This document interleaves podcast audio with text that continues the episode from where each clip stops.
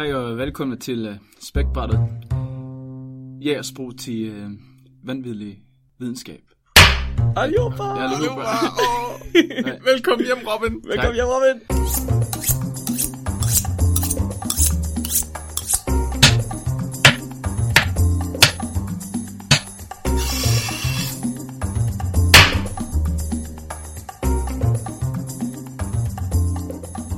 Har I haft en god ferie?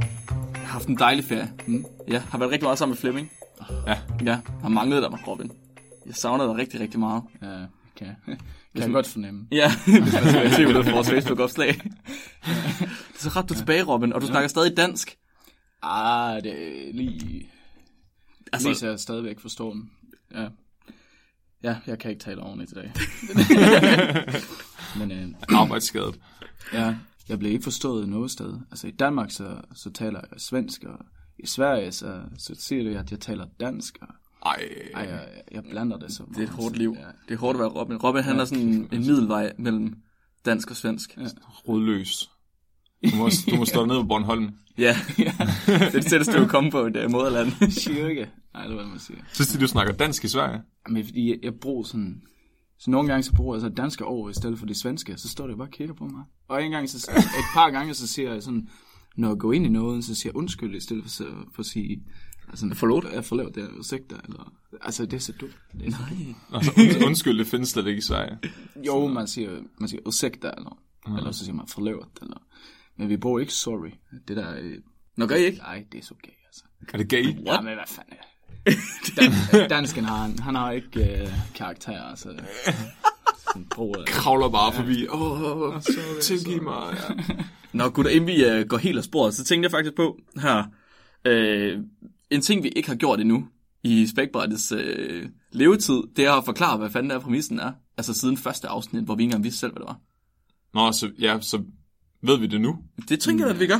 Så det vi gør i Spækbrættet, det er, at vi hver især tager en form for videnskab med, og så prøver vi at forklare det på en måde, så alle ligesom kan forstå det. Og den videnskab, vi tager med, det er ægte videnskab, så det er videnskabelige artikler, eller det er øh, journalistartikler, eller noget i den stil. Ja. Noget, der har noget med videnskab at gøre, og så prøver vi at forklare det på, som vi forstår det, nu i og med, at vi er øh, akademiske videnskabsmænd, eller hvad man skal kalde det. det er vi I hvert fald øh, videnskabelige studerende. In the making. In the making. Ja. Yes. Øhm, måske skal vi også lige gennemgå, hvad en videnskabelig artikel egentlig er i kontra en øh, almindelig artikel. Ja, det er en god idé. Fordi det vidste jeg for eksempel ikke, før jeg startede på universitetet. Nej, det er en rigtig god idé. Ja, så videnskab, altså, når forskere de laver undersøgelser og opdager ting, så skriver de det, der hedder en videnskabelig artikel. Og det er ikke sådan en artikel ligesom i en avis eller en, et ugeblad. Det er mere sådan, øh, de redegør for, øh, hvad de har gjort, hvorfor de har gjort det, hvordan de har gjort det, hvad de har fundet ud af. Mm. Bum. Og så er det skrevet på et meget, meget akademisk sprog. Og, og vi har jo så opdaget, at der er en diskurs nogle gange imellem, øh, hvad der egentlig står i de her videnskabelige artikler, og hvad man egentlig ved øh, inden for sådan videnskaben, og så hvad folk får at vide. Ja, ja, altså hvad der står på Facebook for eksempel, Jeps. eller hvad for nogle diæter folk går på, øh, by the way. Lige præcis. Shout out til det. Jeg skal snakke om det. øhm, alle mulige sjove misforståelser, og så vil vi ligesom prøve at, tage fat i nogle af de her ting, afklare dem. Yes, jamen det synes jeg, der er en god overgang til, øh, hvad skal vi snakke om i dag? Jamen, jeg skal, jeg, jeg skal snakke om, om Candida overgrowth. Og hvad er Candida? Ja, okay, så øh, Candida, det er en svamp, Okay, faktisk øh, specifikt en gærsvamp, okay. som gror og lever på vores hud og på sådan overfladen af vores krop, det vil også sige sådan inde i vores mund og mm. i vores tarm og sådan noget. Mm. Øhm, og det er egentlig et, øh, en forspørgsel fra en af vores lyttere, Hey. som, øh, og det er så min kæreste. hun, hun, hun kom og spurgte mig den anden dag, om det kunne passe, at øh, Candida kunne gøre en syg og sådan noget. Altså, ah, det er jo mange okay. ting, at folk de spiser for at dræbe den og sådan noget. Det er virkelig underligt noget. Jeg skal nok komme ind på det. Så hun gik, hun gik bare før i køen. Og har aldrig, jeg, jeg har aldrig forslag. Ja, ja. Ja, ja. Hvad skal du snakke om, Mark? Jamen, jeg har en, øh, en lytter indsendt artikel med i dag. Ikke rigtig en artikel, det er det, man kalder et essay, så det er mere en form for brev eller en historie, øh, som er skrevet af en universitetsstuderende, eller en øh, tidligere phd studerende som, øh, som hedder The Importance of Stupidity in Scientific Research. så vigtigheden af dumhed i videnskab. Måske har jeg fundet min plads.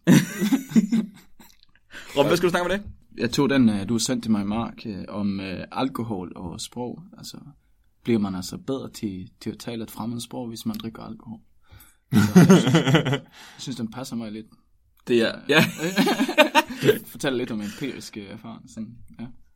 Altså, jeg, jeg har erfaret, at Robert han er nemmere at forstå, når han er fuld. ja det, jamen, det tror jeg også måske. Det, altså, det er, jo, det er jo hver, første gang, tror jeg, at vi har optaget om formiddagen uden øl. Så det, det er jo spændende at se, om folk de har svært ved at forstå Robin i dag, end de normalt har. Du kan tale for dig selv, Mark. Nå, med bagstiv, så går det nok. Ja. Så som sagt, så er det her en forspørgsel. Jeg skal snakke om Candida og Candida kost. Og det er faktisk ikke noget, jeg har hørt om, før jeg blev introduceret for det. Fordi det er åbenbart noget hippier, de går rigtig meget op i. Mhm. Og jeg er bunderøv. Og så det er sådan to verdener, der er meget adskilt. Men du sagde, det er en, en svamp. Ja. Og så er det den svamp, man bruger til at lave en, altså bøffer og sådan. Nej, Ikke den svamp, nej. det, det tror jeg ikke. Det er den, der giver en, øh, bete- hvad hedder det, svampinfektion i skiden. Ah, Okay. Oh, det der har man hørt det navn før. Ja. Ja, ja okay. Ja. Ja. Sådan noget fodsvamp og sådan noget, eller? Ja, ja, ja, ja. Alle mulige trælsteder. Ja. det er åbenbart en hel kultur, der er omkring det her candida. Det er sådan lidt ligesom øh, gluten og ketonkost og sådan ja. noget. Mm. At der er sådan en hel subkultur omkring det her candida og spise øh, candida-kost, og hvordan candida har indflydelse på ens psyke og på ens velvære. Så jeg, jeg starter nu med at gennemgå, hvad folk tror om den her svamp. Altså, hvad, hvad, hvad tror Lema, hvad, hvad tror de her folk, der snakker så meget om de her kostvaner Mhm. og levemåder og sådan noget, hvad, hvad er det, de siger? Jeg, jeg kan ikke vente. Jeg glæder mig. Og så bagefter, så vil jeg gennemgå øh, den ægte videnskab, jeg har fundet om det, Jeg glæder mig. for at se, om, om, det, om der er sandhed til myterne. Sidste gang fik vi jo, fik vi jo Flemmings akilleshæl at Ja, høre, ja. hvad det var, Flemming han havde aller, aller mest. Det var pseudo, hvad var det var, pseudo-videnskab. Ja, det, ja. Og- Ja, og så var det øh, var folk, der argumenterede for konvention- konventionelt landbrug, uden at have noget øh, at have det i. ja. Min akilleshæl, det er åndssvage diæter, som kommer uden at man har nogen, altså uden man har noget baggrund for det. Og det, det, den, den, den, Jeg bliver så vred. Jeg er simpelthen... det, vi clasher tit, fordi jeg tit gør alle mulige mærkelige ting, faster og sådan noget. Og, Okay, og nu skal vi høre endnu en fat diæt. Sådan en, en dille ting. Fedt. det er rigtig meget en dille der. Ja, jeg og det har mig. været meget, meget underholdende at lave research om det her.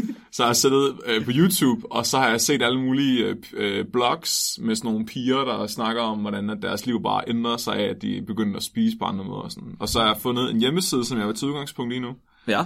som hedder amymyers.md. Og Amy Myers, hun er, hun, jeg, har, jeg har printet billeder af hende på metalpapir. hun er en meget amerikansk udseende læge, med sådan noget fint, øh, mid, altså sådan en middelalderende kvinde, ikke? Med sådan, og så står der, empowering, your, empowering you to take back your health. Og så har hun den her hjemmeside, som bare kun handler om Candida og Candida-kost. Hun er bare helt vild med svampe. Og der er en, hun har lavet en Candida-kost kogebog, og hun sælger øh, over t- øh, 20 forskellige produkter, øh, kosttilskud og sådan noget, til at, at få styr på ens Candida. Og, hun, og for, for, for, helt, for helt basalt at, at komme ind på, hvad det her går ud på, men så har jeg faktisk gået ind og copy-pastet, hvad hun har skrevet om Candida. Og jeg, jeg, jeg har ikke tænkt mig at læse det hele op, men det hun siger, det er, at øh, Candida overgrowth, det vil sige for høj vækst af Candida i, i ens krop, er en af de mest almindelige conditions, hun ser på hendes klinik. Og det får, det øh, får simpelthen folk til at lede, lide under øh, udmattethed, hun kalder noget hjernetåge, hudproblemer, humørsvingninger, problemer med fordøjelsessystemet, og jeg synes at hun, hun nævner luft i maven på et tidspunkt. Øh, så der er faktisk ingen grænser for, hvor meget effekt det her candida kan have på ens velvære. Og så, så, skriver, så gennemgår hun sådan ting, hun har observeret, og ting, videnskaben ved, øh, har indflydelse på candida overgrowth.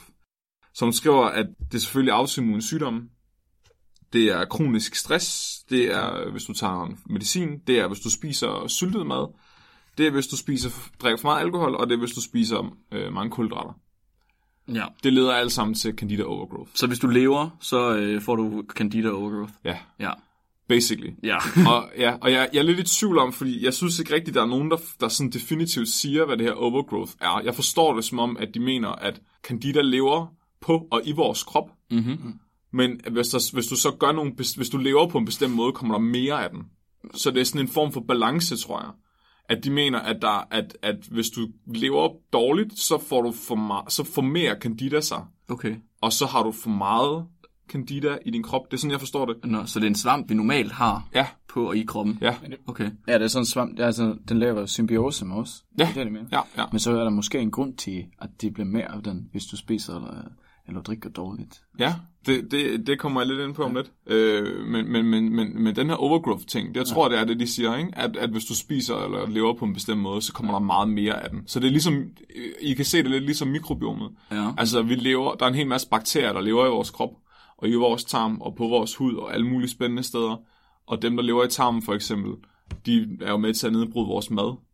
Og hvis du så spiser rigtig meget af en slags ting, så får du mange af den ene slags bakterie, og hvis du spiser noget andet, så får du en anden slags bakterie. Så, så øh, at man ligesom kan selektere for bakterier, efter hvad man spiser, fordi de kan godt lide at spise nogle ting. Eller Ja, noget. ja, ja. Så hvis den her svamp her, den lever på og i os, Ja. så den er vel ikke kun i tarmsystemet? I og med, at man kan få både skedesvamp og fodsvamp. Altså jeg tænker, de...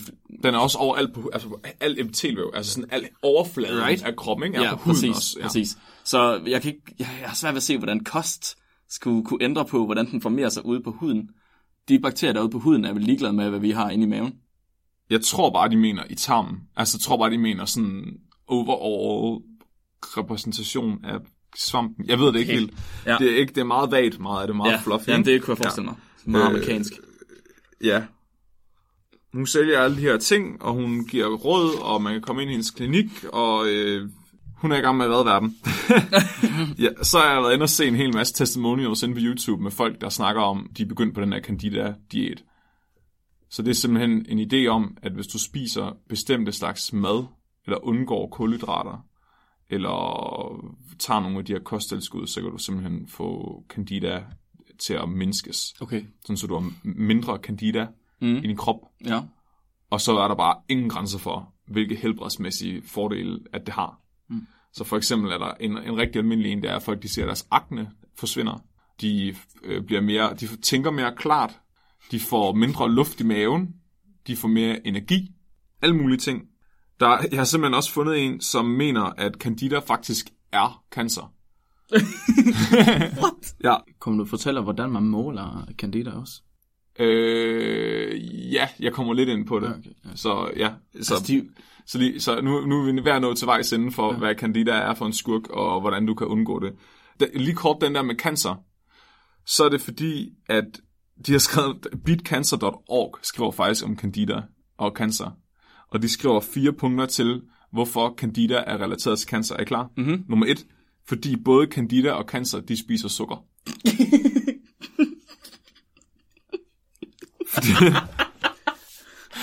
Nummer to, fordi de, de begge to reproducerer anaerobt. Der står, at de begge to godt kan lide surt miljø, og så står der, at når man prober cancer, altså når du tager nogle cancerceller og, og kigger på dem, ja. så er de hvide og gror i en ujævn struktur. Fuldstændig ligesom Candida. Dun, dun, dun. Så de, de, de prøver at sige det, det samme. Så at cancerceller, det er svampeceller i, i forklædning. Jamen, jeg, er ikke, jeg, jeg ved det ikke. Vi har taget fejl om, hvad cancer er hele vores liv. Ja. Det er ikke bare vores egne celler, der Nej. Deler sig sådan uhensigtsmæssigt. Det er jo, det er jo svamp. Mm. Det er en infektion. Det kan vi jo nemt, det er jo bare sådan noget antisvamp. Gutter, Nobelpris, de der, det jeg er meget... Jeg er meget altså, Trademark. Ja. det er vores. Og, og så er der også, øh, de siger, de mener også, at candida går ud i blodet. Altså, hvis din candida gror for meget i din krop, så kommer den også ud i blodet til sidst, og det er med til at give alle de her symptomer, de snakker om. Så forstår først så sagde du, at vi havde candida over hele kroppen. Ja, og nu i ser kroppen, du, ikke? nu, ja, men nu ser du, at den kommer ud i blodet, så den er ja. ikke i blodet. Men blodet er sterilt. Er det det? Men det siger, ja. de, de mener så, at hvis du får candida overgrowth, så kommer den også ud i dit blod. Ja.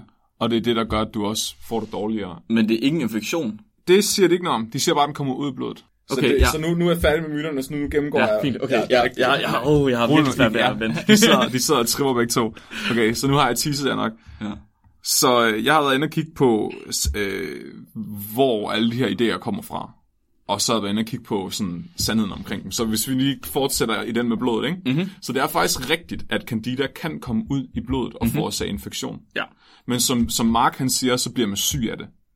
Det er ikke meningen, du skal have candida svamp i blodet. Altså, Eller noget som helst andet i blodet, ud over dine egne celler. Nej, så du vil, du, og så hvis, hvis det sker, så får du øh, behandling med antibiotika, der attacker dig svampe, ikke? Antisvamp. Antisvamp, ja.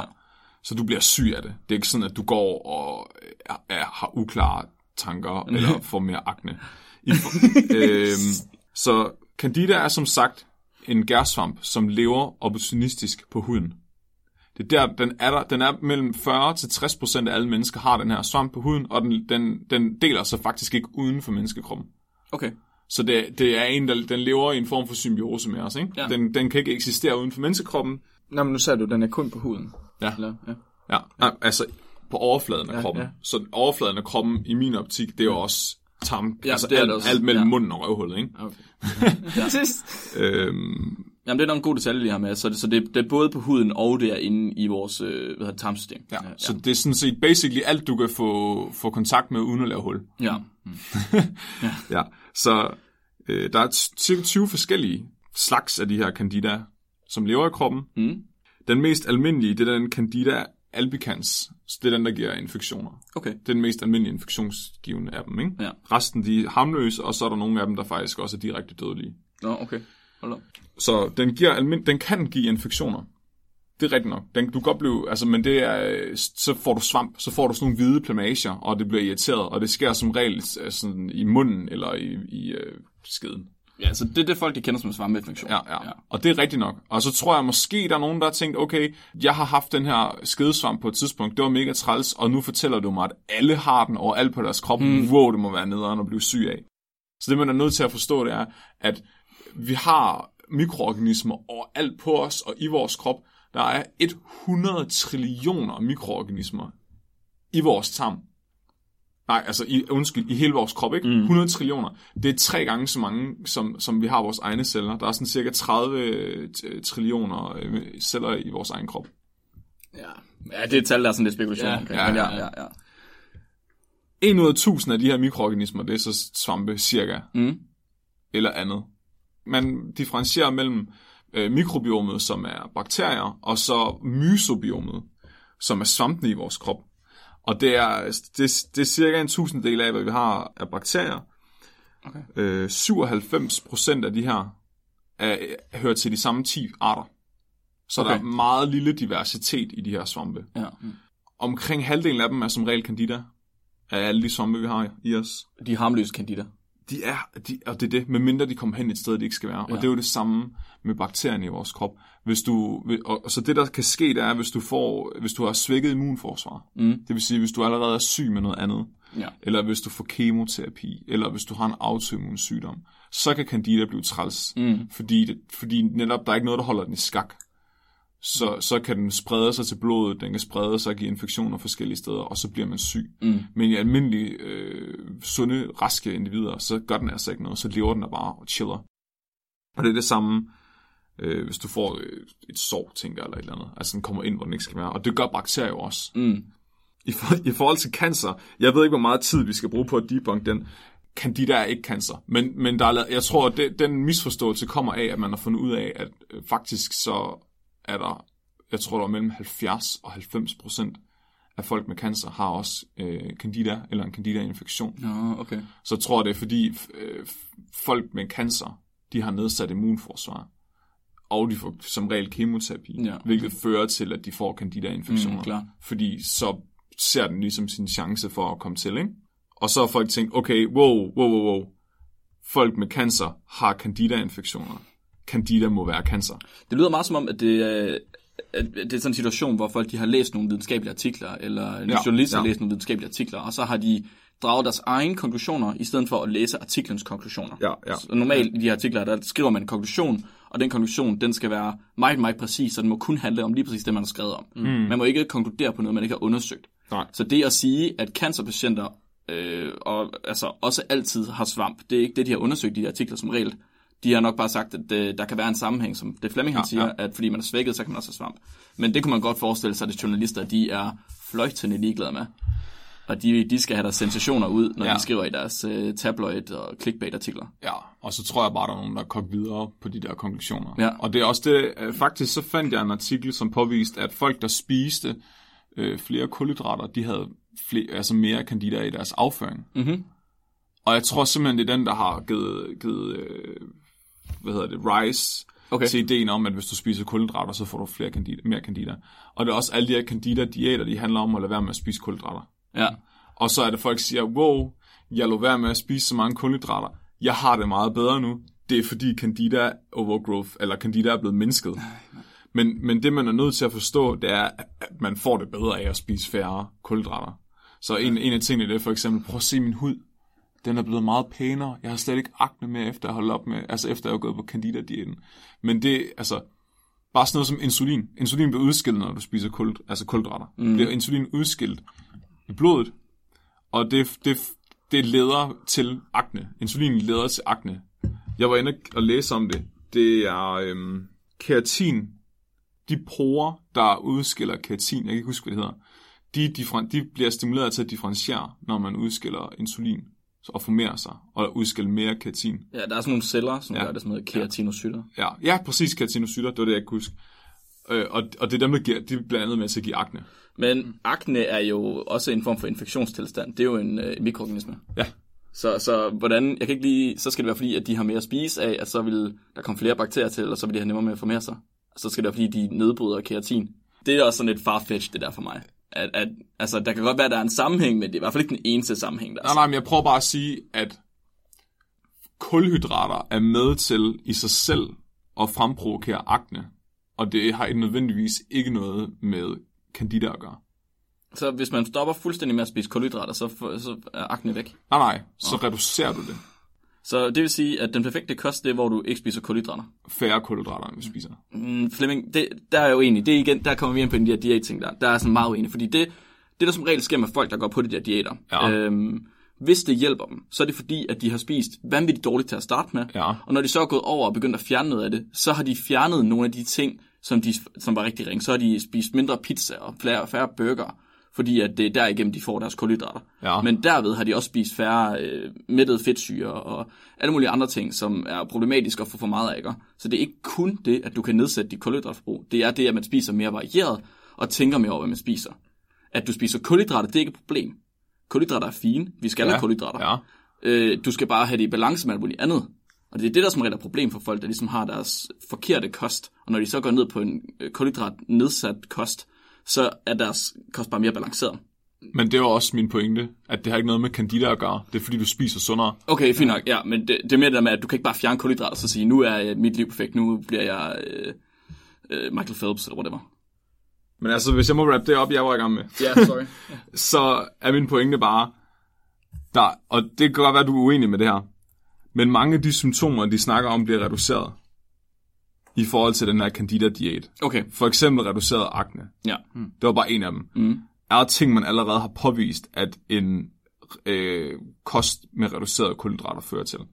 Så det har ikke, det har ikke noget at gøre med candida og mm. candida overvækst. Altså, der kommer bare flere af den, fair nok. Den Ja. kommer ikke ud i blodet af, at du har flere af den. Mm. Den kommer ud i blodet, hvis du har nedsat immunforsvar. Ja. Og det kan du, du får nedsat immunforsvar af at drikke for meget alkohol, og du får nedsat immunforsvar af alle mulige nederen ting. Men lige så snart du får en bedre livsstil, så får du det bedre, fordi du får det bedre. Du får det ikke bedre på grund af den der svamp. Ja. Men hvordan sagde du, man, man kunne måle, altså hvor meget candida du har på kroppen? Så hvis du nu siger, at du får mindre Ja. af at spise det her, hvordan kan man bevise, at det virker? Det kan hun ikke. Nej. Så måden, man søger efter mikroorganismer på som regel, det er, Mm. at man laver sådan nogle analyser af, hvor meget øh, ribosomalt øh, RNA der er. DNA, nej.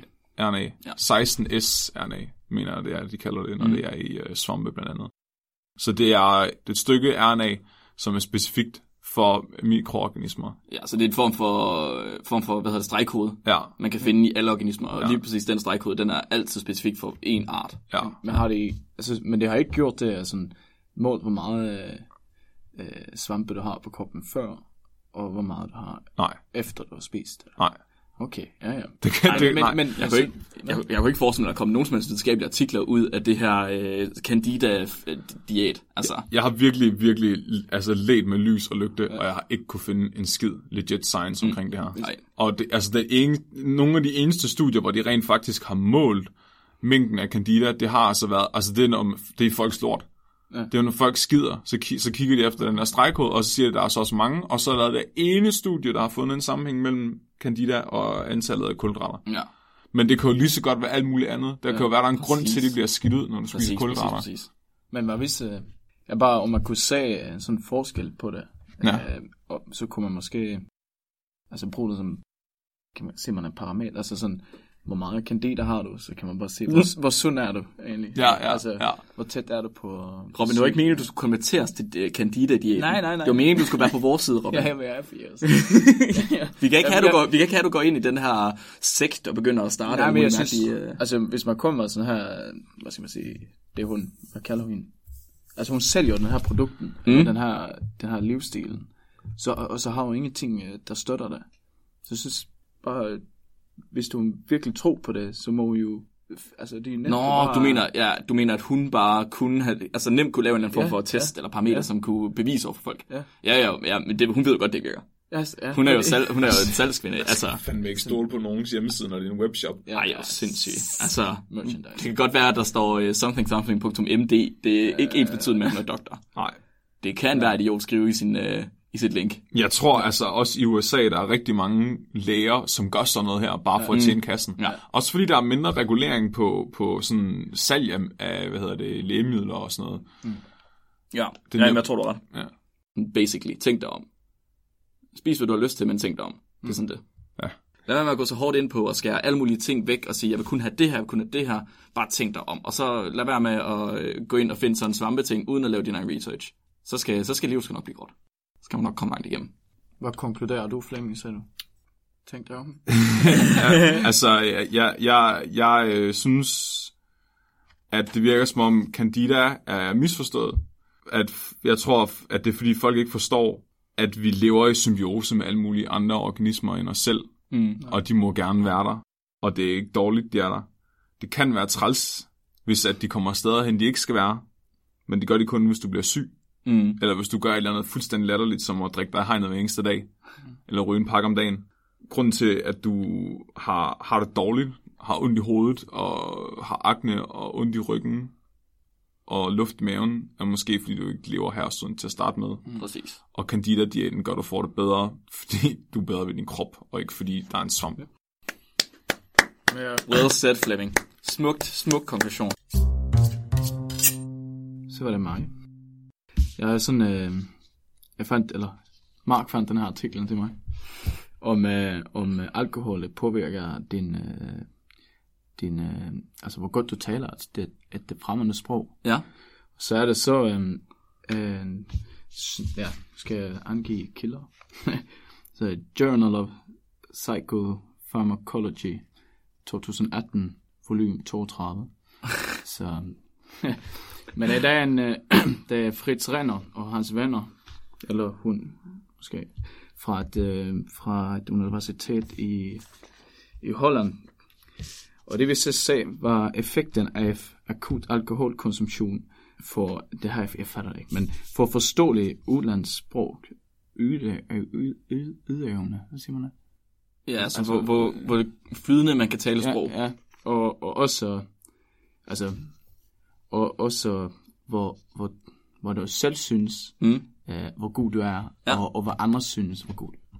Så, så, så de prøver altså, det vil altså se, hvad alkohol gør ved ens vurdering af sit eget sproglige optrædende, og samtidig spørger de, hvad andre synes om det samme optræden hos deltagere, der lige har lært et nyt sprog. Ja. Og, og før var det sådan, det er lidt af en myte jo. Folk de siger, øh, at jeg taler så meget bedre engelsk, når jeg er fuld. Altså, og det, og det, så den her undersøgning, så det skal vi takke Fritz Renner og hans venner for. Så hvad Renner og venner gjorde var, at det fandt øh, 50 frivillige tyskere indfødt, som lige har lært sig hollandsk. Og det gav dem enten en lav dosis af alkohol, eller en kontroldrikke drikke, der var alkoholfri. Så hvem der drak hvad, øh, var selvfølgelig helt valgt efter øh, tilfældighederne. Men også det tyske, og det tyske indførsel, de aner ikke, hvad det hele gik ud på.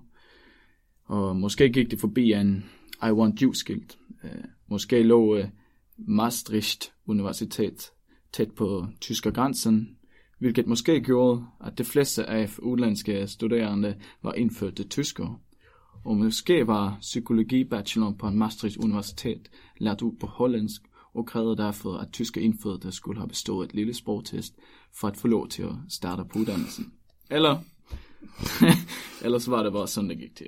Så deltagergruppen klassificeredes derfor som homogen, mener jeg. Bliver det ikke sådan? At Jo. kun er tyske indfødte. Nå, måde. Okay, ja. Ellers så må I nåden rette mig. Nope. så tager vi en recap på 20. afsnit. Men så Renner og det gav øh, den, øh, den her gruppen deltagere enten en smivende fred 37,5 procent blandet med bitter citron, og det skulle svare til det skulle svare til cirka 4 promille. Ellers så fik det øh, drik af dihydrogen monoxid, vand, hvilket skulle svare til cirka 0 promille alkohol. Det tyske indfødte skulle derefter helt normalt argumentere for eller imod dyrforsøg for på hollandsk. I to minutter skulle jeg argumentere, øh, med en der udgik fra at ikke have noget som helst at gøre med Renner og Venners forsøg. Straks efter det tyske indfødte argumenteret øh, for sin sag, skulle det vurdere sit hollandsk. Okay. Så kan, kan, kan I forstå, hvad det er metoden her? Så, Ja, Ja, ja, ja. Og øh, samtalet, øh, eller samtalen, det blev jo spillet ind, ligesom recorded, mm-hmm. og, og det indført hollændere, og indført hollændere, øh, helt uvidere om forsøgets mening, fik vurdere, og det tyske indfødtes verbale hollandske egenskaber. Så, så der er to hypoteser. Øh, så, så, så må I gætte, øh, hvad det bliver. Eller, I må måske gætte hypoteserne først.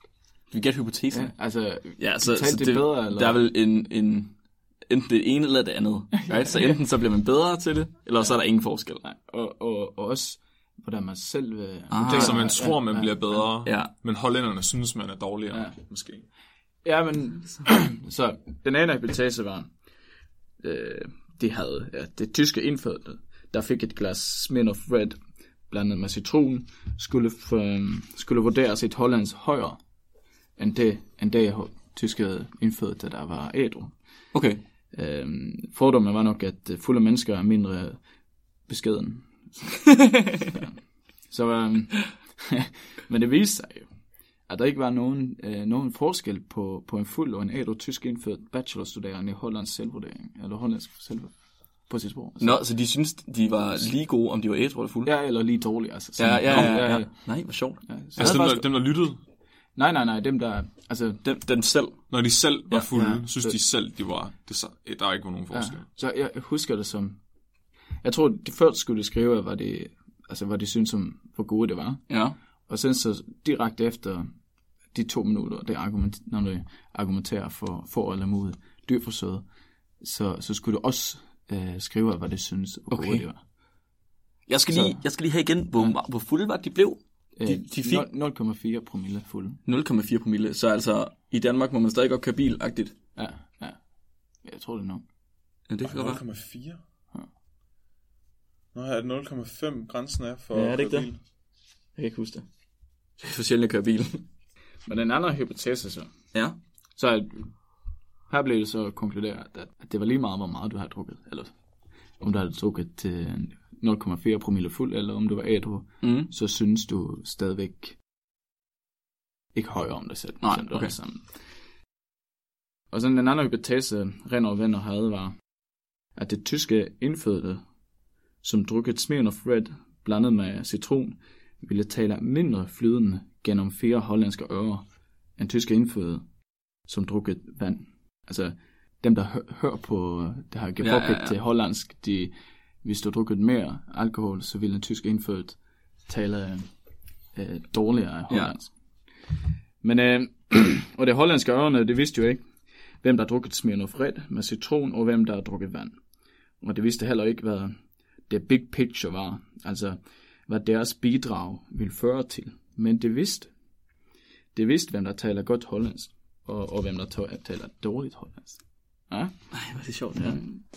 Så det viste sig igen, at dem, der drukket Smirnoff Red, blandet med citron, Ja. taler signifikant bedre hollandsk i to minutter, end dem, der drukket vand. Uh, okay, ordet signifikant, det skærer mig lidt i ørerne. Hvordan finder man ud af det? Statistik, tror jeg. ja, det, var, det var det her, de skulle øh, fylde i, og så skulle de også agtigt fylde i, hvad de synes om... Øh, jeg kan ikke huske, det var en skala. Okay, så, så det det sådan de har givet en form for point, de her Ja, ja, hollænder ja, ja. her. Så de har givet dem en form for point, så fra 1 til 5 eller sådan Ja, noget. jeg tror, det var til ja, noget sådan. Ja, sådan noget den stil. Og så har, de, så har der været signifikant forskel på dem, der ikke havde drukket, og dem, der havde drukket. Så dem, der havde drukket, de var bedre. Ja. Jeg gider ikke finde det der. Det er spøjst. Hvad nu hvis at det var citronen? Hvad hvis det var citronen? Hvad nu hvis det var citronen i den der Smirnoff Red? Sidste afsnit, der snakker vi om øh, makrel-induceret søvn. og man var i tvivl, om det var makrel eller tomatsauce, eller om det var dåsen eller sådan noget. Og vi kom frem til, at vi tror, det var makrellen, fordi at der var kaj på øh, Sanders makrel. Ah, Som øh, Sanders, som, er, ja. som bor, Flemming bor sammen med. Ja. Ja. så hele tiden. Ja, lige præcis. Ja. Så vi kom frem til, at det var makrellen der. Hvordan kan vi vide, har de diskuteret citron ud? Ja.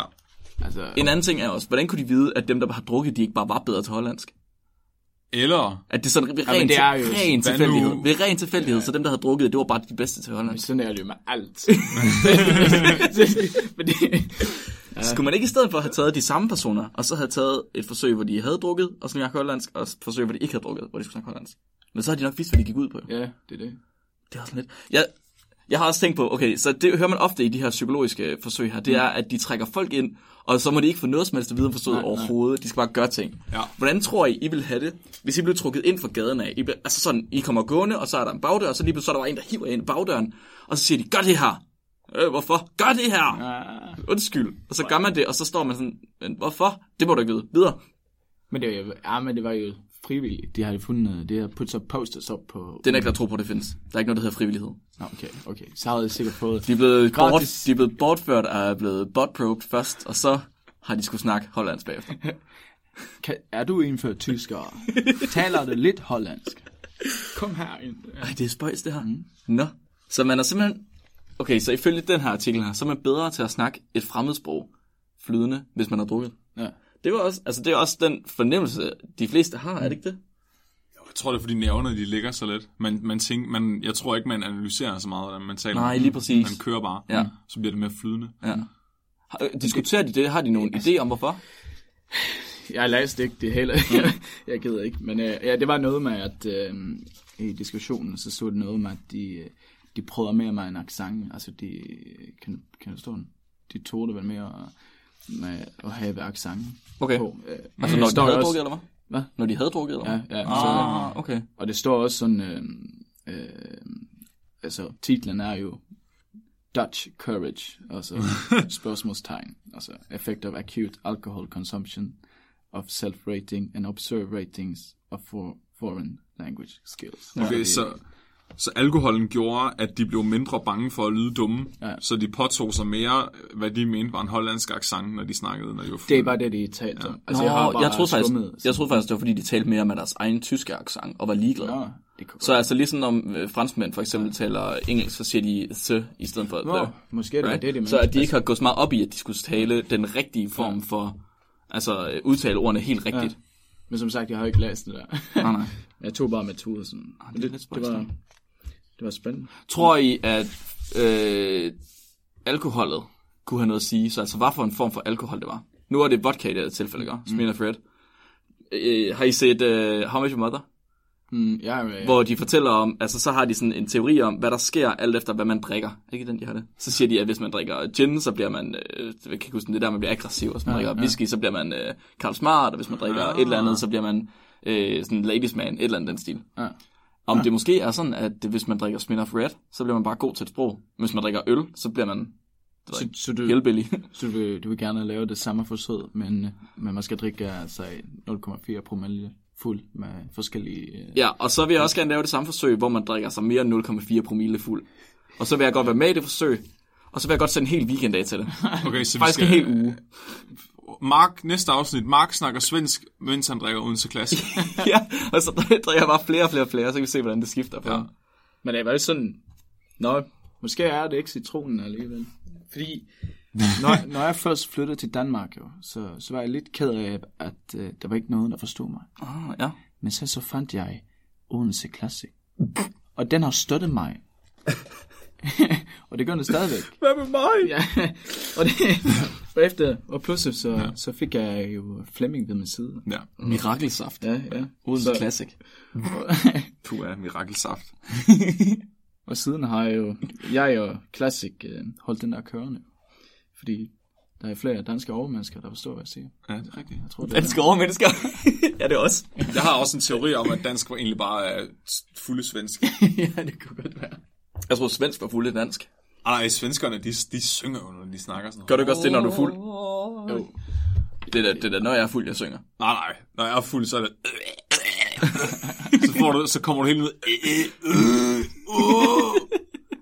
Der, Det er der, de der tre ekstra vokaler kommer fra. Det er folk, der har brækket sig. Ja. det, det, det der, det lyder som uh, nytårstalen. Ja. ja. Så konklusionen det er, at man skal drikke noget mere, og så øh, skal man bare rejse til udlandet, og så kan man snakke deres sprog. ja, Perfekt. det er det. Skide godt. Okay, så jeg har fundet et, øh, jeg har ikke fundet, Patrick Rosendal Andreasen har fundet et essay fra, øh, det er fra Journal of Cell Science, ja, som hedder The Importance of Stupidity in Scientific Research. Og det her, det er ikke en videnskabelig artikel, som vi kender normalt. I en videnskabelig artikel, der har man, så Flemming han sagde i starten af afsnittet, der har man, øh, hvorfor har man gjort, hvad man har gjort, hvad har man gjort, hvordan har man gjort det, og hvad har man fundet ud af. Det er det her ikke. Det her, det er et essay i stedet for. Så ligesom når, der, jeg ved ikke, om folk de kan huske i folkeskolen, når man skrev et essay. En læserbrev nærmest. Ja, et læsebrev eller en lille historie, sådan en øh, kort historie eller sådan noget. Ikke? Ja. Det er det her også. Den er en side lang. Det er Martin A. Schwartz, som har skrevet den her. Han er fra øh, Harvard, og han har skrevet det her, som handler om, hvor vigtigt det er at være dum i, i videnskab. Og det lyder fjollet til at starte med. Det er noget, vi i spækbrættet gør rigtig godt. Vi kan godt lide at have det sjovt, men Ja, vi er ja. satme også dumme. Får fandme snart Nobelpris. Og vi gør det rigtig godt, fordi vi er så dumme. Det er det, det her essay her, det handler om. Så Martin her, han øh, skriver en historie om, hvordan han for nyligt har hvad det, set en gammel ven, som han øh, ikke havde set i mange, mange år. Øh, og det var en ven, som han havde været, læst PhD, altså skrevet en PhD sammen med, de har været PhD-studerende på samme tid, godt nok i forskellige felter. Hende her, kammeraten, her vennen her, hun droppede så ud af det her graduate school, som det er i USA. Det er der, hvor man skriver sin øh, kandidat og sin PhD. Og så gik hun på til Harvard Law School i stedet for at studere jura. Nå, Og hun er nu en øh, senior lawyer for a major environmental organization. Så hun arbejder for øh, en miljøbaseret organisation. Og så en senior lawyer. Jeg ved ikke lige, hvor højt op det er. Det, jeg, jeg tænker, det er relativt højt op. Ja. ja. Right?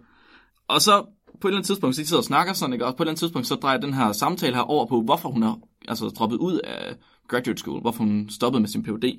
altså, men Ja. var det naturvidenskab, hun læste først så? Det var naturvidenskab, ja. okay. Ja, så de har begge to altså, naturvidenskab til at starte med, men ja. to forskellige felter. Jeg Ja. tror, det var også noget fysik, hun har læst til at starte med. Og så siger hun, og det synes han, det er sådan fuldstændig, wow, okay, hvad? Så siger hun, at det er fordi, at graduate school fik hende til at føle sig dum. Så, Oh. Ja. Enig, enig, ja. Right? Er det ikke noget, vi alle sammen kan genkende Jo, til? jo. Det at være i gang med altså både bachelor og kandidat, og whatever vi nu er på. Men man føler sig sgu dum. Altså, og ikke bare fordi man ikke kan svare på ting nødvendigvis, men også når man ligesom begynder på projekter, ja. og skal til at finde ud af ting, og ikke rigtig kan finde ud af ting. Altså, så står man lige pludselig med et problem, man ikke kan løse, og så er man sådan, okay, er der heller ikke nogen, der kan hjælpe? Hvad fanden? Man er Hvad også så? bare omgivet af folk, der var meget, meget klogere end en selv hele tiden. Ja, ja, lige præcis. Det er ikke godt for min selvtid. Og så, øh, hun siger så, at altså, det var sådan, efter et par år, altså, hvor hun ligesom havde følt sig dum hver dag, så, hun bare, så gad hun ikke det mere. Det gad hun simpelthen ikke. Og ham her, Martin, han havde set hendes, øh, hans veninde, øh, som en af de altså, klogeste folk, han ligesom kendte. Den virkelig, altså hun var dygtig. Øh, og han, han synes, det var mærkeligt det her med, at hun ligesom følte sig dum. Og så gik der noget tid, og så dagen efter, så var han sådan, det sgu rigtigt nok, altså, han føler sig sgu også dum. Og han ja. er ligesom færdig med sin Ph.D., han er forsker. Og så siger han, at det er egentlig bare, fordi han har vendt sig til det. Shit. Og han har vendt sig så meget til det, at nu søger han aktivt efter muligheder for at føle sig dum. What? Og han ved ikke, hvad han skulle gøre, uden ligesom at have den her følelse af at føle sig dum. Hvis ikke han kunne føle sig dum, så vidste han ikke, hvad han skulle gøre med sig selv. Og han tror endda, at det er sådan, det skal være. Og så siger han, han, han vil gerne lige have lov til at forklare, så der er en grund til, at han gerne vil øh, altså, jagte følelsen af at føle sig dum. Han siger, at det er sådan, til at starte med for de fleste af os, der er inden for videnskab. Grunden til, at vi godt kunne lide videnskab til at starte med, det er som regel, fordi vi var gode til det i folkeskolen og i gymnasiet og sådan noget. Det var folk, Ja. der ligesom kunne svare på ting, og man, man fik øh, svarene rigtige, når man havde tests eller et eller andet, ikke? Man kunne læse svarene i en bog. Og sådan siger han, sådan er det øh, i, op i high school og college, hvilket er det, der var til folkeskole og gymnasie, og så det første, de første år af, af universitetet, det her. Og så siger han, at det, det, det er selvfølgelig ikke den eneste grund til, at der er også nogen, som bare har en fascination, fascination med den fysiske verden. Folk, der gerne vil se og gerne vil vide mere om, hvordan verden fungerer. Der er selvfølgelig rigtig mange mennesker, som går ud og siger, jeg vil gerne lære noget mere om verden, eller jeg vil gerne øh, bygge noget nyt, eller et eller andet den stil. Men det her med at være god til ting, til at starte med, det handler om, at man tager kurser og fag, og man er god til at svare rigtigt på de spørgsmål, man har i de fag. Men senere hen, så begynder man at lave forskningsprojekter. Noget, vi er så heldige i Danmark, på SDU i hvert fald, at få lov til allerede på vores bachelor at lave forskningsprojekter. Måske nogle relativt simple til at starte med, men de progrerer rim- rimelig hurtigt op til noget mere avanceret, noget hvor vi selv får lov til at bestemme, og noget hvor vi selv skal designe ting. Ja. Og når man kommer til det punkt, så kommer man lige pludselig og har masser af ting, man ikke ved. Mm. Hvordan gør jeg det her? Hvad skal der, hvad skal der her? Hvad skal der, hvis jeg gør det her? Og det var også øh, tilfældet for ham og Martin her. Og på et tidspunkt, så kom han op til øh, en af de, jeg kan ikke huske, om det var hans vejleder, eller hvem det var. Han kom op til en person, som ligesom er, er sådan senior i forhold til ham, og stiller et spørgsmål. Og ham der, der ligesom, som han ser som en gut, der virkelig er højt op, han har sat ham på en pedestal, men han kan ikke svare på det. Og så går det op for ham, at han har spurgt flere mennesker og alt muligt mærkeligt, og de kan heller ikke svare på det. Der er ligesom ingen, der ved svaret på det spørgsmål, han har. Og så føler han sig ligesom, altså han følte sig rigtig dum, da det var, han ligesom først havde spørgsmålet, fordi, øh. Men så finder han ud af, det er jo nok fordi, der ikke er nogen, der har svaret endnu. Mm. Der er ikke nogen, der har løst det problem endnu. Så det er han den første, der skal gøre. Så lige pludselig, så det at føle sig dum, det er, at man finder ud af noget, som ingen andre har fundet ud af før. Og det siger han, det er ligesom det, der er rigtig, rigtig vigtigt inden for videnskab. At grunden til, at man skal føle sig dum, det er fordi, man skal finde ting, som der ikke andre, der har vidst endnu. Det er ligesom det, vi gør, når vi sætter forskningsprojekter i gang. Så nu skal vi passe på med at grine dem med Candida Overgrowth. det er bare hende der er på, på sporet af noget nu. Ja, måske. Altså, helt sikkert, så, sådan er der jo nogen, nogle ting, der er blevet fundet ud af, som ligesom, der, hvordan det startede. Men det, det giver jo også mening, ikke? at hvis man, hvis man bare altid gerne vil have ret, og man ikke vil føle sig dum, og man ikke tør at stille spørgsmål, Yes. så ender man jo også bare med at køre i de baner, der allerede findes. Ikke? Ja. Altså, så kommer man jo ikke ud til the frontiers of science. Altså. Nej, lige præcis. En af de ja. vigtigste altså, hurdles, jeg lige som har skulle over, mens jeg har været på universitetet, det var det her med at turde stille spørgsmål, Ja. som, altså, som måske virkede dumt for en selv. Mm. Så hvis man har siddet, øh, man har i forskningsgrupper som regel som morgenmøder, et eller andet den stil, og så har man skulle, så har der været nogen, der har forklaret et eller andet, og man har siddet sådan, okay, jeg er ny, øh, jeg ved det nok bare ikke, fordi at jeg ikke har været der så længe. Mm. Men man er nødt til at stille spørgsmål, for at man ligesom kan lære det. Og så på et tidspunkt finder man ud af, at der sidder højst sandsynligt 10 andre i rummet, som har haft samme spørgsmål, som heller ikke har tur at stille det. Og de 10 behøver ikke at være nye studerende. Det kan lige så godt være nogle af de ældre forskere eller noget i den stil. Ja. Ja. Så der er ligesom noget rigtig, rigtig vigtigt i at, at turde stille det her. Stille de her spørgsmål. Han går, han går så lidt ind i øh, at snakke omkring phd programmerne i USA. Det synes jeg ikke, vi skal komme så meget ind på, fordi det er noget helt andet, end det er her i Danmark. Øh, fordi i USA, der er det meget med, man ligesom studerer, når man har, øh, tager sin Ph.D. Nå. Ja, det, det er meget, man er meget stadig studerende. Man går på det her graduate school, og er kommet sådan lige lidt videre fra, hvad hedder det, fra sin kandidat. Hvor imod på, i Danmark, øh, på SDU i hvert fald, som jeg kender til det, der er man mere ansat Ja. og skal selv undervise. Og ens studie, det består i, at man tager nogle få kurser, men ellers så underviser man selv, og så laver man sit forskning. Men øh, altså i Danmark er det vel, det er tre år. Ja, jeps. Det er sådan, Ja, I Sverige er det, fik jeg jo videre, at det er fem år, tror jeg. Ja, Og at det, at, er det ikke fem år, der er det sådan almindeligt omkring i verden? Altså, Det, det er meget, meget forskelligt, Ja. og det er meget indsnævret i Danmark. Tidligere var det jo sådan, at man var i en forskningsgruppe som phd studerende i God knows who long, altså til man var færdig. -agtigt. Man kunne godt være der i fem år. Det var ikke noget problem. Yes. Øh, nu er det mere sådan, du skal have det her research output, du skal aflevere tre år senere, ja. og så kan du få det udsat, hvis nu du skal på barsel eller sådan noget i den stil, ikke? jamen, men- men I, har jo i Danmark, øh, I, vi, vi, vi har i Godt, Robin! øh, det her med, at man, du skal opnå det her med undervisning også, PhD.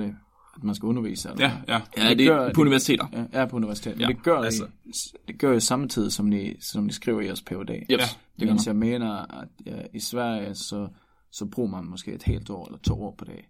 Mm. Kun. Og så er det adskilt. Ja, ja, adskilt. Så. Altså, øh, for, for lige at forklare folk, hvordan det hænger sammen, fordi Ja. folk spørger tit, hvordan det er med bachelor og kandidater. Mm, det når, ja, når jeg forklarer min familie det, så er det sådan, bacheloren, det er grundforløbet. Kandidaten, det er øh, der, hvor du specialiserer dig i et eller andet. PhD'en, det er sådan en form for mesterlærer. Der kommer du ligesom i mesterlærer hos en professor og lærer, hvordan det er. Sådan en lærling, ikke? Ja. Og så når du er færdig med det, så kan du blive ansat som lektor og blive professor. Ja, vi er sådan lige 10 år, 10 år udsat-agtigt, fordi mesterlæren kommer først, når man er de der 5-26 år. Hvorimod, at da man, hvis man gik på teknisk skole, så var det som 16-årig, man kom, Ja, ja. ja. ja, man kom i lære. Jeg læste uh, Michael Crichton, ham der har skrevet Jurassic Park og sådan noget. Ja. Han, uh, han nævner en i sine bøger, at, uh, at uh, universitetsstuderende, de er mere, eller akademikere, er mere barnlige end andre mennesker. Fordi vi er så gamle, før vi får ansvar. det er derfor, at de er så utidige ved hinanden og sådan noget, og laver og spreder rygter, og der er så meget drama inden for akademia. Den idé kan jeg virkelig godt lide. Jamen, det er også rigtigt nok, der er virkelig meget drama. Ja. Folk, der sådan begynder at komme op og slås, når man har læst Anders Sandblad øh, tidligere, der var videnskabsfolk med i, så har de også altid været sådan noget at de kommer op og slås. Der var sådan stereotyper, men det var sådan noget, man gjorde, når man sad. Fordi videnskabsfolk, de kunne ikke enes, hvis de kom, altså selvom det var inden for samme felt, så kunne de bare, så havde de bare hinanden. Ja. Det er også tit, jo mere man ligner hinanden, jo mere hader man hinanden. Mm. Fordi så kan man se sig selv i noget af det, ikke? Jeg tror, sådan tror Ja, ja, det er videnskab, altså. Ja, muligvis. Øhm, nå, en anden ting, han fortæller om, efter han har snakket omkring de her phd programmer så siger han, at øh, en anden ting, man gør, ikke gør godt nok, det er at lære en studerende, hvordan man er produktivt dum. Fuck. Jeg skal undervise. Er det, ikke de, det er de bedste termer, jeg nogensinde har hørt. Det er produktivt dum. Og han snakker om den absolute dumhed. Så jeg så øh, den bedste forklaring på, hvad en PhD er, og hvad videnskab er. Det var øh, en gut, der havde tegnet en cirkel. Og den cirkel, den repræsenterede alt, hvad vi vidste i hele verden. mm. Al den viden, man havde på det her tidspunkt her. Og når man starter, så har man en lille bitte prik inde i midten af den her cirkel her. Efterhånden, som man øh, vokser op, og man er gået i folkeskole og så videre, så vokser den her cirkel her. Og på et tidspunkt, så rammer den, øh, så går man på universitetet, og så laver den sådan en spike ud i stedet for, ikke? Ja. Den rammer ud af en bestemt gren. Ja. Og så går den op imod cirklen, uden at det er det hele, der vokser. Du kan ikke vide noget om alt, vel? Nej. Så du går ligesom op, og så vokser den her lige så stille mere og mere og mere. Og på et tidspunkt rammer den den yderste cirkel. Og når den rammer der, så ifølge den her, så er det der, du er nået til din PhD. Det er jo selvfølgelig forskelligt for folk, hvor den argumenteres mere. Men det, man så skal med sin PhD, det er at udvide cirklen. Den absolute dumhed, altså hvor meget I ved i hele verden, den skal man have udvidet som phd Man skal lære noget nyt. Man skal finde ud af noget nyt. Og det må man, det må være, det er så det, som ham her, han kalder den absolute dumhed. Altså, det, det er, hvor vi er nu. Og hvor vi er nu, det er ikke, at hvor kloge vi er, det er, hvor dumme vi er so far. Ja, Så det er så, vi kan være med til at gøre den store cirkel endnu større. lige præcis. Og når man så har fundet ud af noget nyt, så vokser den der cirkel der med en lille bitte bule. Ja. Så, Og alle phd projekter alle forskningsprojekter i hele verden er så med til at øge den her cirkel her, for alt hvad vi ved i hele verden. så i fremtiden, så vil, vil vi være dummere i længere tid. Det du siger. Ja, Ja. ja. ja, muligvis, men vi bliver også bedre og bedre til at lære ting. Ja. Ting, som var revolutionerende for 300 år siden. Altså, det er jo, det er jo noget, man lærer børn i folkeskolen nu. Ja. Fordi man ligesom, så er der nogle mennesker, der er virkelig gode til at formidle, og så kan de gør, øh, formidle på en måde, så børn kan forstå det. Ja, vi hvilket laver- er ret sejt. Ja, ja, vi laver også bare uddannelser, der er mere og mere specifikke. Mm, Så ja, for eksempel, jeg tænker, om biokemikere for 60 år siden lærte meget mere kemi, end vi gør nu. det. Garanteret. Vi springer jo bare direkte til cellerne, ikke? og så Ja. ja. bare tager vi udgangspunkt i det. Ja. Sådan. Vi starter bare lidt længere ude i cirklen. ja. Ej, apropos, at, und- undskyld, jeg afbryder, men jeg, jeg, har- jeg, øhm, nu kan jeg ikke lige, jeg kan ikke huske, hvad den hedder, men jeg læste en anden undersøgelse, hvor man havde udspurgt folk øh, inden for forskellige emner, Ja. hvad, hvor meget de selv synes, de vidste om noget.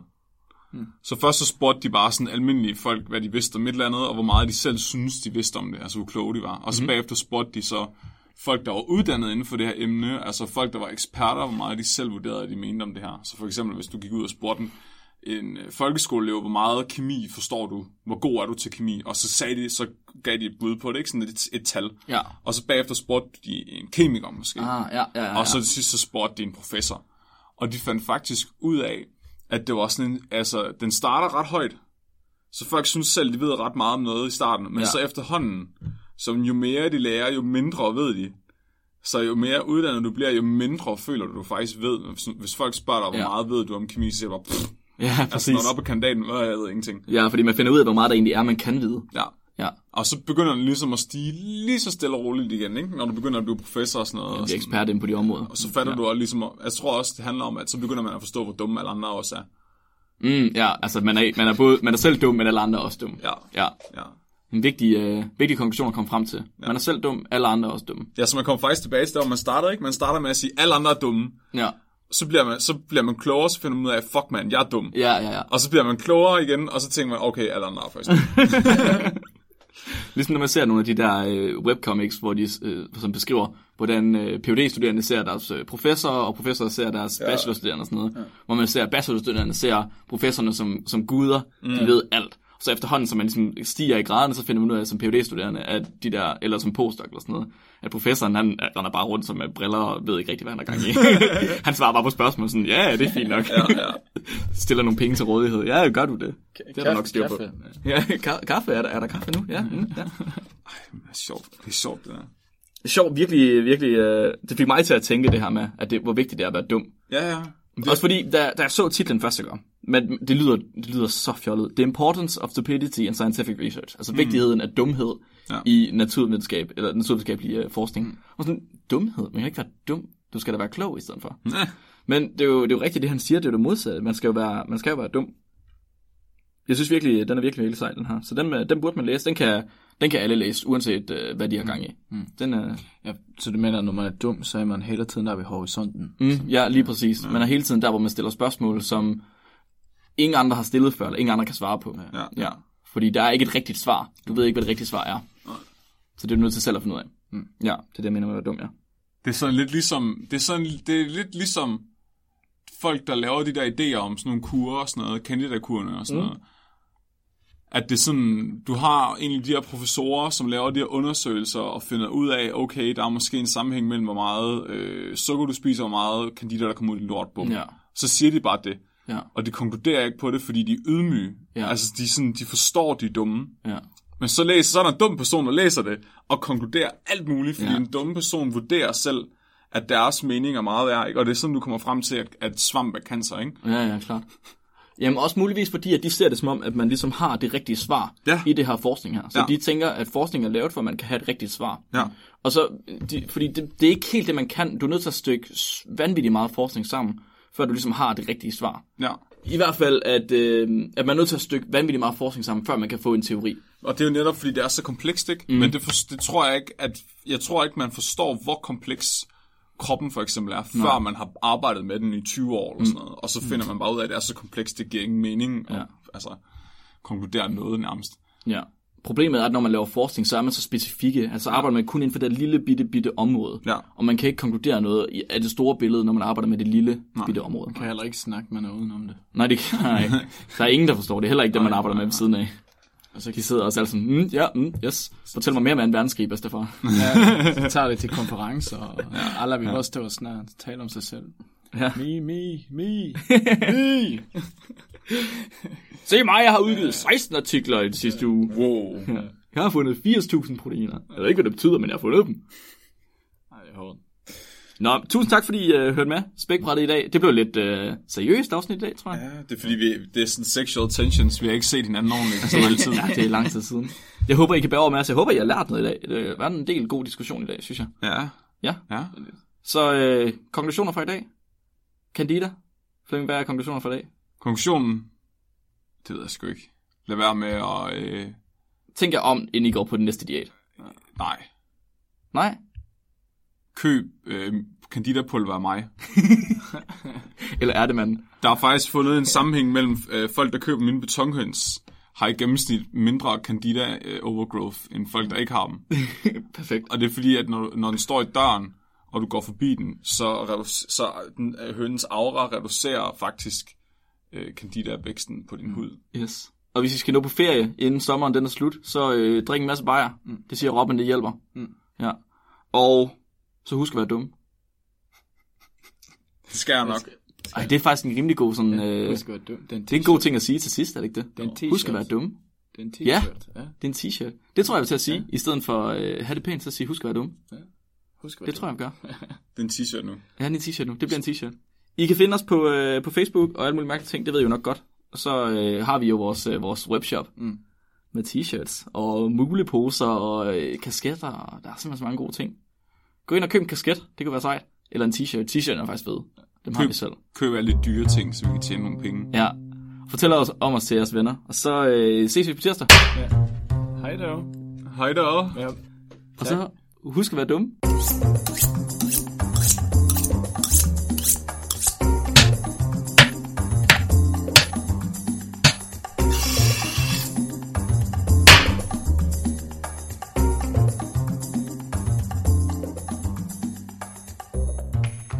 Afspiller, hvad er afspiller? Okay, hvad, hvad er historien? Jo, fordi apropos Candida, Helt over til mikrofonen. Kom så. apropos øh, Candida og, øh, og også at være dum, så oplevede jeg noget her i weekenden. så, så stod jeg, øh, det var lidt sent, øh, men øh, så stod jeg i sådan en lille kælderbar. Bar. Jeg har ikke rigtig nogen bodega i Sverige, men vi lad os kalde dem bodega. Og så stod jeg med to af mine venner, og så tog, tog, tog vi et billede. Så sagde jeg højt, så sagde jeg, det her, det her, nu oversætter jeg, men det, det her billede kan man ikke få noget pio på, altså. Altså, det, det duer ikke, for vi var rigtig, rigtig grimme. Ja. Og så, så bare lige pludselig står der en, en random gut ved siden af, og så siger han, ej, ikke i Sverige i hvert fald, siger han. Så var det nå. så spørger han, hvad, hvad, hvad grunder du i det? Nej, jeg, jeg boet mange steder. Estland og London og, og et par steder i Europa der. Så sagde nå ja, fedt. Og så, så, så vender jeg mig til mine, til mine venner igen. Så vi, jeg ved ikke, vi snakker bare og drikker en øl. Og sådan til sidst, blev- så, så, så var jeg nødt til at spørge ham, okay, hvorfor øh, har du rejst så meget? Er du, altså, er du bankmand? Altså, fordi hvis du er bankmand, så skal du prøve det her i forskellige banker i forskellige lænder, tænkte jeg bare. Min fætter lige. Men så sagde jeg nej, sagde han, jeg er, jeg er læge. Nå, er du en læge? Altså, jeg er doktor. Ja. Så tænker jeg, interessant. Så, og så, men hvor har du, altså, hvor har du læst hen? Fordi nogen, der læser medicin, de plejer sådan, måske kommer der ind i Estland, og så tager det sin kandidat i Danmark, mm. og så liksom få, få, det, få det gjort. Nej, så han, jeg, jeg læste, jeg læste hele Lund. Og Lund er sådan, det, det der, det er top notch. Det er det svenske det, Harvard. Ja, det Okay. er det svenske Harvard. Det er en rimelig kendt øh, studieby. Og så, åh for satan, Søren, sagde jeg. Nå, men, øh, nå, men, øh, så havde jeg været læge et par år, og så, spurgte, så spurgte jeg, men hvad har du sådan specialiseret dig i?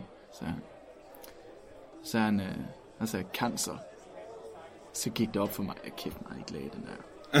Fordi hvis, hvis man var læge, så vil man jo så sige onkolog eller noget. Ja. Så spurgte jeg, ja, hvad fedt. Så, så spurgte jeg, nej, nej, men det, det er jo... øhm, Så kom vi ind på lidt om cancer, så, så skulle jeg sige, ja, ved du hvad, det, det er tæt på nu. Bare måske 10 år, så har vi, har vi øh, hvad hedder det, bud med midlet. Sådan. Vidste, vidste han godt, du Ja. læste biokemi? Nej, jeg havde, altså, havde, jeg havde ikke nævnt det endnu. Så, så, så, så, så siger jeg, Nå, hvad er det? Siger jeg. Nej, men det er fordi, øh, det er, det er ilt. Så- så- det, øh, hemmeligheden er ilt. Nå, ilt? Ja, fordi hvis cancercellen ikke får ilt, så dør det. så, så, så tænker jeg, nå, for sejt, men hvordan, hvordan, men hvordan adskiller du øh, cancercellen for øh, øh, en almindelig celle? Altså, hvordan stopper du at give ild til en cancercelle og ikke en almindelig celle? Ej, det har, har vi sådan noget tabletter noget, der gør. Nej. Nå, interessant, så jeg, du må gerne, kan du, du må nok gerne sende mig en artikel om det der, det lyder, kan jeg jo, tænkte jeg, det kan vi snakke om, hvis det var. Og så, så nej, nej, så, og så, så kom vi jo ind på det der, man, nej, jeg, jeg læser biokemi, og så, og så ja, ja, okay, spændende, spændende. Og så, så, så sagde han, hvem er, vil du ikke præsentere mig for dine venner? så sagde jeg, jo, det her er min ven, han er, han er musiker, nå ja. Og så sagde han, øh, men det interessante igen var det, altså, at øh, man cancer, at det er så tæt på, og, fordi øh, jeg stod, stod faktisk med andre ven, hans, hans samboer lige for cancer, så hun er i behandling nu. Ja. Så fordi, og hun har jo fået cancer, og der har du måske set hende. Jeg var i fuld... Egentlig, Nej, nej, egentlig, nej, nej, nej. egentlig skal man ikke tage det op, fordi han arbejder også i Lund jo. Så, så du, du har måske set det sådan, så, så peger han på sig selv sådan og gestikulerer, ja, jeg er jo cancerlæge. Og så, altså, og så, så spurgte han, øh, men, men så, når jeg sagde det, så spurgte han også, det her der hele, det hele, hele vandet, for jeg har oplevet det her før. Så når det ventede, så spurgte han også, om, øh, om han min ven, jeg peger på, det er hans sambo har, har cancer. Ja, han gav sig han. Hvad? Nej, jeg sagde, øh, hans sambo øh, øh, altså, har det dårligt, og er i lunde hver dag. Altså, hver dag nu i behandling. Øh, en gainer? Nej, nej, nej, nej, nej, men så, så gik han bare, så gik jeg hen til min, min, øh, min ven der og snakkede med ham. Og så, øhm, og så gik jeg bare, så bakkede jeg, jeg bare, abort mission, abort mission, gestikulerer sådan uh, un- under halsen. Og jeg satte den, den tredje ven der, så at du bliver nødt til at sætte til ham, at han skal flygte nu. Og så til sidst fik vi min ven ud, og så fortæller han jo, at, øh, at den her, at han lægen der, eller lægen, han er kommet, ja, din ven og Robin har lige sagt det der, din, øh, din sambo har cancer, og, og jeg er læge, og som du behøver at snakke om noget, trøst eller noget. Nej. så, så nogle gange, så, så jeg, jeg, jeg har faktisk øh, set mig synet en bluff, altså jeg caller en bluff. Ja. ja det var, og det fordi, fordi jeg har læst øh, lidt bio. Hey, Ja. sådan. Det var en god. Nå, det er rart. Det bliver rigtig, Succesoplevelse. rigtig pinligt for dig, når det viser sig, at de der tabletter, der kvæler cancerceller på markedet om fem år. Men så må jeg bare Jeg lidt mere mig. specificere. Altså, om man nu er ekspert i øvrigt, så kunne jeg faktisk fortælle mig, hvordan. Men Men fik vi ikke også lige etableret, at de kunne øh, altså, lave anaerob metabolisme? Jo. Så de har ikke brug for ild. nej.